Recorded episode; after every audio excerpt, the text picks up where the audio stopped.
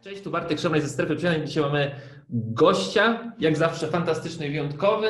Dzisiaj jest kobieta, człowiek orkiestra można powiedzieć, bo zadam Ci zaraz oprócz tego jeszcze pytanie. A jak szukałem sobie oczywiście informacji na Twój temat, to jest pisarka, fotograf, dziennikarka, ilustratorka. Czym się najbardziej lubisz zajmować z ciekawości z tych wszystkich rzeczy, które teraz zmieniłem? Y, lubię wszystko, ale one też są ze sobą wzajemnie połączone, dlatego że ja bardzo często piszę o podróżach. Więc nie mogłabym pisać o podróżach, gdybym nie podróżowała. Więc no tak. uwielbiam podróżować, uwielbiam poznawać nowe miejsca, nowe światy, nowe sposoby myślenia. Uwielbiam pisać i robię to przez cały czas. Y, właściwie robię to w każdym momencie, dlatego że zawsze y, słyszę brzmienie słów kolekcjonuję różne słowa, różne zdania, wyrażenia. Codziennie rano piszę, ale też w głowie przez cały czas układają mi się zdania, które mogłabym wykorzystać do pisania. Boże, jak pięknie o tym mówisz. Moim gościem jest nie wiem, czy muszę przedstawić, ale powiem Beata Pawlikowska. I to pytanie, które chciałem Ci zadać, to jest, ile, przepraszam, masz napisanych książek, bo tego nie mogłem znaleźć, bo jest po prostu napisane ponad 100. Wiesz może? E, ponad 100 ale nie wiem dokładnie ile, ale powiem Ci, że na mojej stronie internetowej jest takie okienko i tam wystarczy kliknąć i tam są wszystkie książki wypisane, wszystkie okay. tytuły. Chciałem też właśnie zapytać, kiedy Ty to wszystko piszesz, ale już mi wyjaśniłaś, po prostu w każdej wolnej chwili. W każdej chwili. Gdyby nie znał z naszych słuchaczy, to mogłabyś się tak przedstawić, nazwijmy to w skrócie, choć wiem, że możesz bardzo dużo sobie powiedzieć. Jestem człowiekiem z pasją i jestem jednym z najszczęśliwszych ludzi na świecie. I jestem człowiekiem, który kiedyś był jednym z najbardziej samotnych i nieszczęśliwych ludzi na świecie. Więc y, dlatego tak powiedziałam, że to, że kiedyś byłam samotna i nieszczęśliwa, dało mi absolutnie cudowną, fantastyczną bazę do tego, żeby szukać odpowiedzi i żeby je znajdować, a potem, żeby je konsekwentnie wprowadzić do mojego życia. I dzięki temu jestem szczęśliwym człowiekiem. Nie dlatego, że urodziłam się w bardzo uprzywilejowanym miejscu albo dostałam 100 e, milionów w spadku i żyję sobie wygodnie w luksusie, tylko dlatego, że wszystko wypracowałam własną pracą. Moimi sponsorami są moje dwie ręce i do dzisiaj uważam, że to jest najlepszy sposób zdobycia czegokolwiek. Uczciwą pracą, uczciwym, takim dobrym, życzliwym nastawieniem do siebie, do innych, do zadania, jakie mam do zrealizowania. I to wszystko, co było w moim życiu trudne, dzisiaj się cieszę, niczego bym nie zmieniła z tego, co zdarzyło się w przeszłości, dlatego że wyciągnęłam absolutnie fantastyczne wnioski i dzięki tym wnioskom mogłam zbudować moje nowe życie. No powiem Ci szczerze, że nigdy nie usłyszałem chyba jeszcze, żeby ktoś na wsparcie powiedział, że jest jednym z najszczęśliwszych ludzi na świecie i bardzo, bardzo Ci gratuluję, że taki poziom osiągnęłaś, bo szczególnie w tych czasach bardzo mało osób niestety jest w stanie tak o sobie powiedzieć, ale też będę Cię o to w trakcie rozmowy pytał. W takim razie już do tego nawiązałaś, więc chciałem od razu na starcie zapytać o taką jedną, dwie, może trzy sytuacje w Twoim życiu, które były takim sygnałem, że ok, pora coś zmienić, albo diametralnie zmienić? Co takiego wydarzyło się u Ciebie może? Wiesz co, to nie są takie sytuacje, kiedy myślisz, pora coś zmienić, dlatego że kiedy żyjesz w taki sposób bez zastanawiania się, tak po prostu odruchowo, robiąc różne rzeczy, y, jedząc odruchowo, y, mając związek, dlatego że należy być w związku, mając pracę, ale właściwie nie zastanawiając się, czy ta praca jest dla mnie najlepsza, czy nie, to co chwilę mówisz sobie, coś tu jest nie tak, dlatego że cały czas masz takie drapiące uczucie w środku, coś tu jest nie tak, coś tu nie pasuje, ja nie pasuję do, do tego miejsca, albo to miejsce nie pasuje do mnie. I ponieważ masz to uczucie cały czas, to zaczynasz się do niego przyzwyczajać i zaczynasz myśleć, właściwie to pewnie wszyscy tak mają, że zawsze są tak trochę um, niespełnieni, tacy niesyci, nie do końca wszystko im pasuje. Mhm i taki świat jest zawsze przymglony i szarawy. I po pewnym czasie człowiek zaczyna myśleć, hmm, to pewnie zawsze tak jest. I życie po prostu jest takie szarawe, i zawsze trzeba walczyć, i zawsze trzeba uciekać, i zawsze trzeba się czegoś bać. Więc takie momenty, kiedy pomyślałam, że coś nie jest tak, jak powinno być, to takich momentów był milion, mhm. zanim zdarzyły się takie momenty, które przygięły mnie do ziemi tak mocno, że musiałam się ocknąć i musiałam się przebudzić i musiałam zadać sobie pytanie, dlaczego pakuję się w sytuację, dlaczego pakuję się w związki z ludźmi, które zawsze kończą się tak samo? I dlaczego ignoruję różne rzeczy, dlaczego, dlaczego udaję przed sobą, że sama nie widzę różnych rzeczy dotyczących mnie samej, jak i dotyczących innych ludzi. Dlatego, że kiedy zaczynasz sobie zadawać takie pytania, nie kiedy pytasz, co w tym świecie jest złego, że ja się tak źle czuję, albo dlaczego ci ludzie są tacy okrutni, że ja ciągle przez nich muszę cierpieć, to kiedy szukasz odpowiedzi dookoła, poza sobą, na mhm. zewnątrz siebie, to stawiasz siebie w pozycji ofiary, a z pozycji ofiary, kiedy patrzysz na świat, zawsze zobaczysz kogoś, kto ma nad tobą władzę i będziesz tego kogoś nienawidzieć. Więc musi się zdarzyć taki moment, i dlatego zdarzają nam się trudne sytuacje w życiu, żeby w końcu przestać szukać winnych dookoła, tylko obudzić się i stwierdzić zaraz. Jak ktoś może urazić moje emocje, skoro to są moje emocje i tylko ja mam do nich dostęp?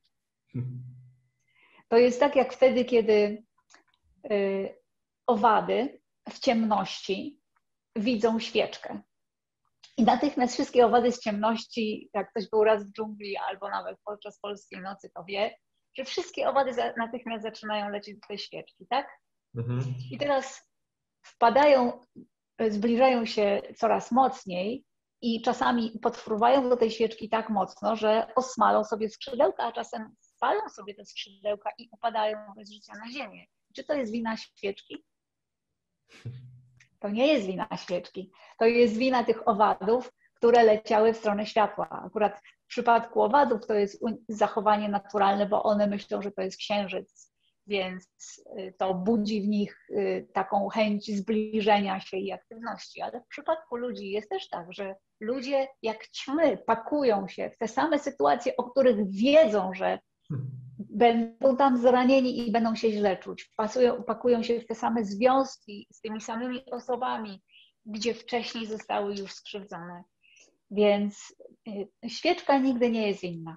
Mhm. Chodzi o to, żeby znaleźć w sobie to, co kieruje moim zachowaniem, albo to, nad czym nie mam władzy, co jest takim działaniem, które kontroluje mnie, czyli na przykład, kiedy mówię sobie, że na przykład chcę schudnąć, nie będę jadła słodyczy i dwie godziny później e, e, nawiedza mnie tak nieprzeparta ochota, żeby rzucić się na pączki, na czekoladę na inne słodycze. Więc to jest coś, co jest we mnie i co każe mi robić coś, nawet jeżeli to jest coś dla mnie złego. Ale do tego też można dotrzeć i to też można zmienić. A powiedz mi, wiem, że to jest bardzo mocno prywatne pytanie, ale gdybyś miała właśnie taką jedną sytuację, jednak do tego dążył, powiedzieć właśnie w Twoim życiu, która Cię naprawdę mocno przycisnęła i która była takim właśnie momentem zwrotnym, czy mogłabyś zdradzić mi naszym słuchaczom jakąś taką jedną? Tak, y, było wiele takich momentów, mhm. dlatego że ja y, próbowałam odebrać sobie kiedyś życie mhm. i byłam chora na anoreksję i miałam wiele takich sytuacji, w których żegnałam się z życiem podczas podróży. Ale pamiętam kiedyś w dżungli amazońskiej, kiedy zostałam w tej dżungli sama i ogarnął mnie wielki strach. Nie wiedziałam, czy znajdę drogę powrotną do obozowiska i nie wiedziałam, dlaczego e, osoby, moi przewodnicy, którzy mieli mnie prowadzić, dlaczego mnie opuścili, dlaczego zostałam sama, czy zrobili to celowo, czy to był przypadek. Nie wiedziałam, jakie niebezpieczeństwa kryją się w gąszczu dookoła mnie, a dżungla jest bardzo głośna. Nawet jeżeli jest bardzo cicha, to cały czas słychać w niej różne przerażające odgłosy, które mogą pochodzić z różnych bardzo krwiożerczych paszczy, i wielkich, i małych. I pamiętam, że w tamtej chwili kiedy ogarnął mnie tak wielki strach, że czułam się prawie sparaliżowana i w, w takich momentach człowiek wpada w panikę i jeżeli pozwoli sobie pójść dalej i wpaść w tę panikę, no to bardzo sobie utrudni sytuację. I pamiętam, jak czułam ten strach, który we mnie rósł, i widziałam, że za chwilę zacznę panikować, i, i wtedy pewnie będę się zachowywać nieracjonalnie, na przykład, nie wiem, rzucę się naprzód biegiem, bo wtedy jeszcze bardziej zabłądzę. I pamiętam wtedy zrozumiałam, że jedynym zagrożeniem, jakie rzeczywiście istnieje w tej dżungli, nie są jaguary, które być może patrzą na mnie i są gotowe mnie zaatakować. I nie są jadowite węże, ani skorpiony, ani pająki, które być może już po mnie gdzieś chodzą, a ja jeszcze tego nie czuję. Nie jest nawet ta dżungla, która jest jednym z najbardziej niebezpiecznych i nieprzewidywalnych miejsc na Ziemi. Tylko największym wrogiem w tej dżungli jestem ja sama. Dlatego, że nie mam kontroli nad moimi emocjami. Nie lubię siebie, nienawidzę siebie, nie umiem się sobą zaopiekować. I w dodatku przez cały czas do tej pory usiłowałam ze wszystkim i ze wszystkimi walczyć, łącznie z samą sobą.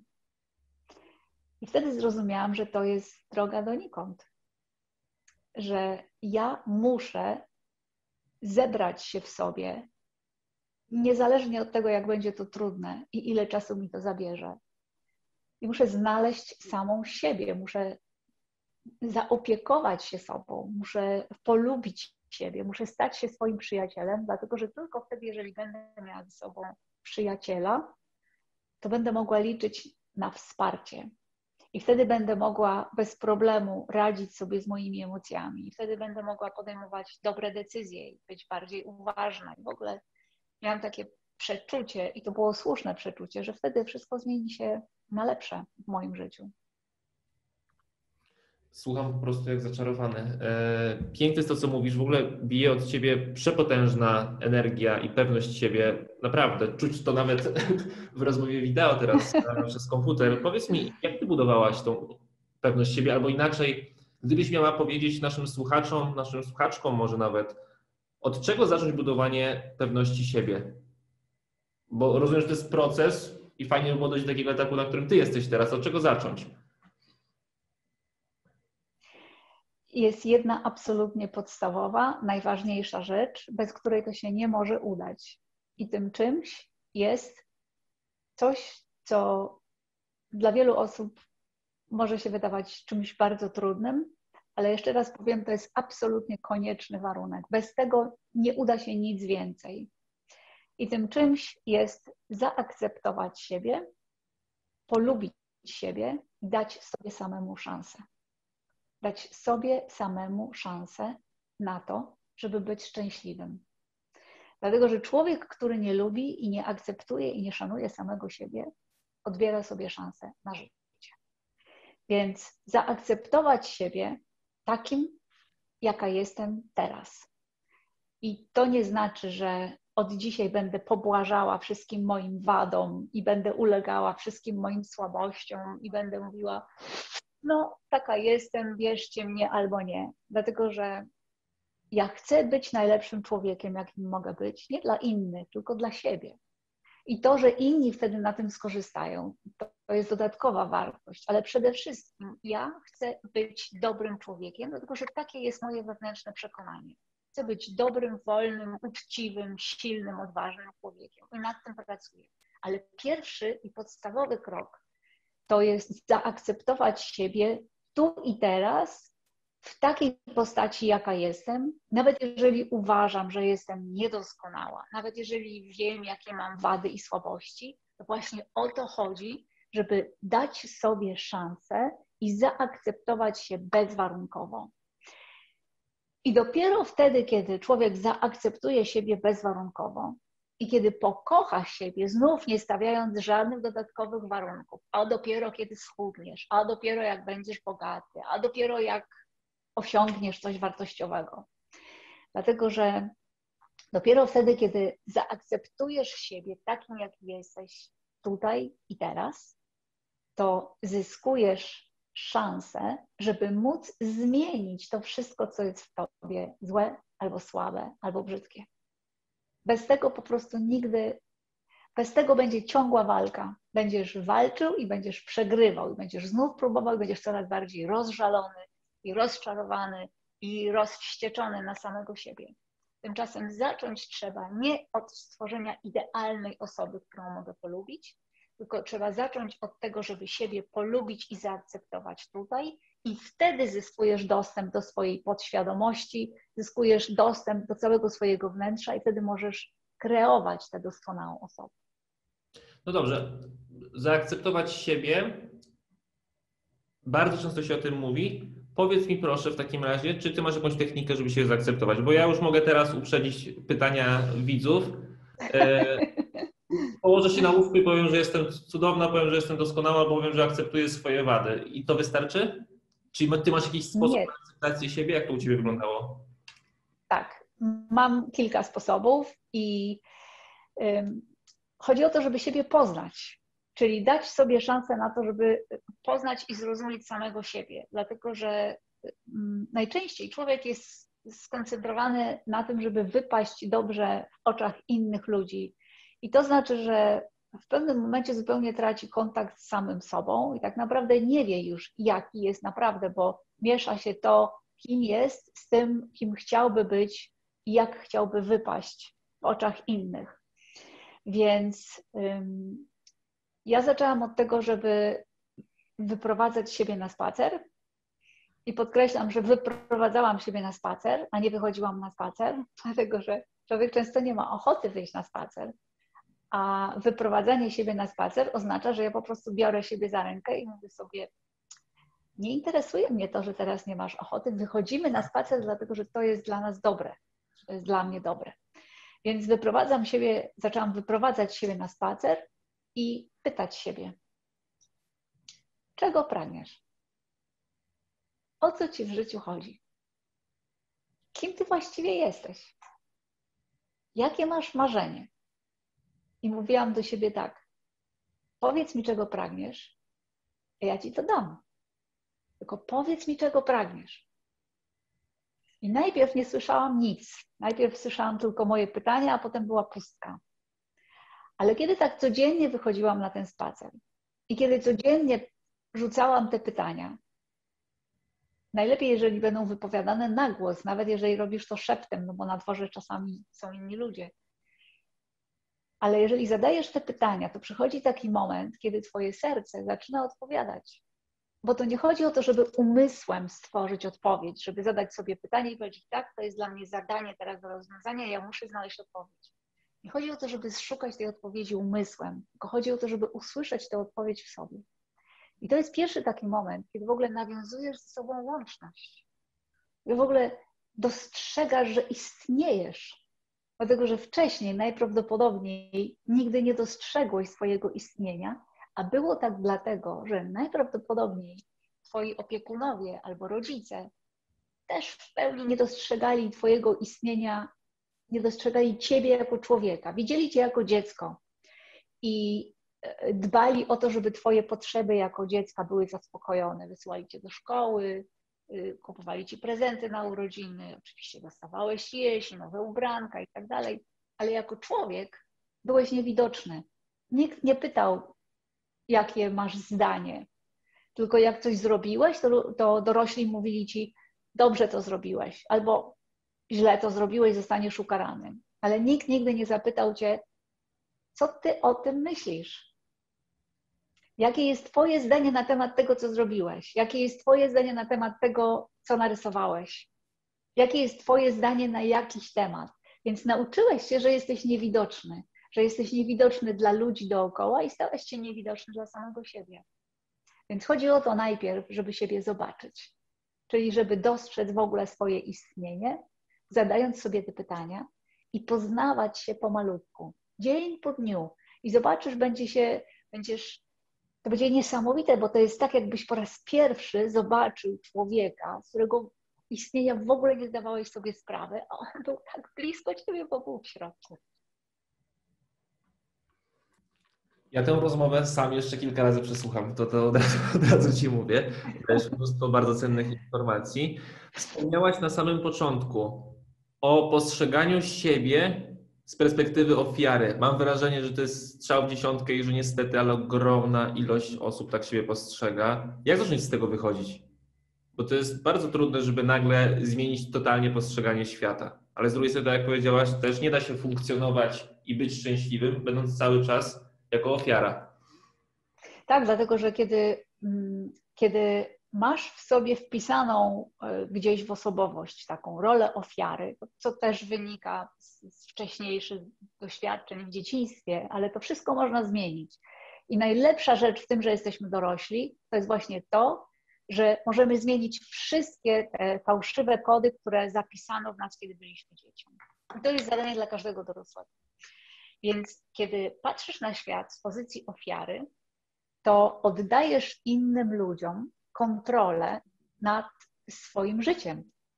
Dlatego, że wtedy, jak ktoś spojrzy na ciebie krzywo, to ty już jesteś cały spięty, może on mnie nie lubi. Czyli inni ludzie mają wpływ na to, jak się czujesz, jakie są twoje emocje, na twój nastrój. Więc ktoś mówiąc coś nieprzyjemnego albo robiąc coś, co będzie dla ciebie przykre, jest w stanie zepsuć ci cały dzień. Czym to jest, jeżeli nie kontrolą nad twoim życiem? Więc ja zauważyłam kiedyś u siebie, że jestem przeczulona na punkcie tego, co inni ludzie robią i, i uważałam, że jestem nadwrażliwa i że to oni powinni uważać, żeby mnie nie zranić. Ale to się nigdy nie zdarzy, dlatego że ludzie nie mają dostępu do moich emocji i nie wiedzą, co mnie zrania, co nie, tylko ja to wiem. Więc kiedy to zrozumiałam i przestałam e, obwiniać innych ludzi, och, bo ty się tak zachowujesz, to mnie boli, przestań to robić. Albo unikać ludzi, którzy na przykład wypowiadali się krytycznie na mój temat, co mnie bardzo raniło i nad czym w ogóle nie byłam w stanie przejść do porządku dziennego. Przestałam się zajmować nimi. Zaczęłam się zajmować tym, dlaczego ja się tak czuję. I wtedy właśnie odkryłam, że uzależniam moje samopoczucie od tego, co robią i mówią inni ludzie. I kiedy to odkryłam, to pomyślałam, o nie, nie mam zamiaru pozwolić, żeby inni ludzie w taki sposób kontrolowali moje życie. To jest bardzo, bardzo trudne. Poza tym to jest bardzo przykre żyć w taki sposób. I wtedy postanowiłam, że nikt i nic nie jest w stanie sprawić mi przykrości. I tylko ja mam dostęp do moich, do moich emocji i tylko ja jestem w stanie zdecydować, czy coś mnie zrani, czy nie. Dlatego, że zobacz, to, że człowiek czuje się zraniony tym, co druga osoba powiedziała na przykład, to tak naprawdę wcale nie rani cię to, co ta osoba powiedziała, tylko rani cię to, w jaki sposób ty to zinterpretowałeś. Więc to, co ten człowiek powiedział, to właściwie nie jest tak ważne, jak to, w jaki sposób mój umysł dokonuje interpretacji i odwraca to przeciwko mnie, albo jeszcze w ogóle wyolbrzymia, bo ktoś może powiedzieć coś zupełnie niewinnego albo zażartować, a ja mogę to odebrać w taki sposób, który mnie złamie i zepsuje mi dzień. Więc to nie jest wina tego człowieka, to jest wina moich emocji, które we mnie szaleją, dlatego że nigdy nie zostały oswojone, nigdy nie zostały wychowane na nowo. Więc pierwsza i najważniejsza rzecz, z której warto sobie zdawać sprawę, to jest to, że w życiu nie chodzi o to, jakie są fakty, nie chodzi o to, co ktoś robi, tylko najważniejsze jest to, co ja z tym zrobię. Czy dopuszczę to do mojego serca i czy pójdę za tym, czy ja w to uwierzę, czy pozwolę, żeby to mi zepsuło spokój, czy też to jest tak, jakby na przykład um, używając obrazowego przykładu, powiedzmy, że ktoś częstuje mnie kawałkiem tortu. I teraz ode mnie zależy, co ja zrobię. Czy wezmę ten tort i go zjem, i to, że zjem ten tort, będzie miało różne konsekwencje dla mojego samopoczucia i dla mojego zdrowia, czy też powiem: Nie, dziękuję, nie jestem zainteresowana tym kawałkiem tortu. I wtedy ja mam kontrolę nad moimi emocjami, nie oddaję moich emocji innemu człowiekowi. Więc nie chodzi o to, żeby czuć się lepszym od innych, bo ofiara czuje się gorsza od innych. Więc nie chodzi o to, żeby pójść w drugie ekstremum i czuć się lepszym od innych, tylko najważniejsze w tym wszystkim jest to, żeby umieć zachować zdrową równowagę, czyli żeby czuć się partnerem wśród ludzi. Mhm. Czyli jestem równie ważna jak oni. Oni są równie ważni jak ja. Ktoś może mieć jakąś opinię na mój temat, ale ja nie muszę w to wierzyć. Nie muszę tego przyjmować do siebie. Mogę wybrać, żeby się tym nie przejmować. Z Twoich ust to jest wszystko tak proste i tak racjonalne. No ale czy to nie jest proste i, i logiczne? Dla mnie jest, ale no, biorąc pod uwagę też, ile osób ma z tym problem, to albo edukacja poszła w bardzo złą stronę i za mało się zdecydowanie o tym mówi, albo tak proste to nie jest. No, ja uważam, że jak ty to mówisz tak, w ten sposób, to jest bardzo racjonalne i myślę, że jak ktoś to wdroży, to zdecydowanie może mieć zmianę. To jest wszystko kwestią ćwiczeń, dlatego że to nie jest tak, że zrozumiesz to i jutro już poczujesz się inaczej.